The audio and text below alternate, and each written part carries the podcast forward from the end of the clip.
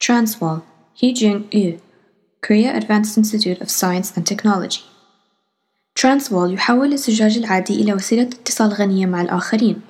يستند هذا المفهوم على عرض حائط شفاف يستجيب للمس على كلا الجانبين ويوفر ردود فعل اهتزازية عن طريق اللمس ويعرض الصوت.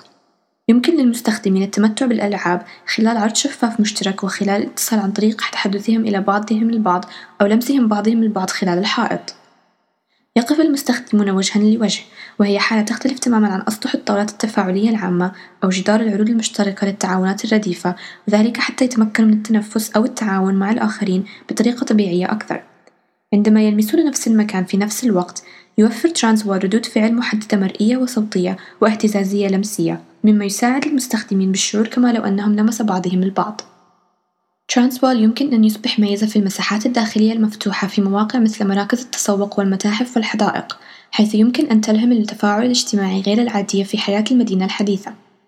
في المستقبل القريب، يمكن تثبيت ترانسوال في الأماكن التي تتطلب العزلة المادية للأمن والسلامة، مثل غرفة خالية من الجراثيم في المستشفى، حيث أنها ستسمح للمرضى بالتفاعل مع العائلة والأصدقاء دون خطر العدوى.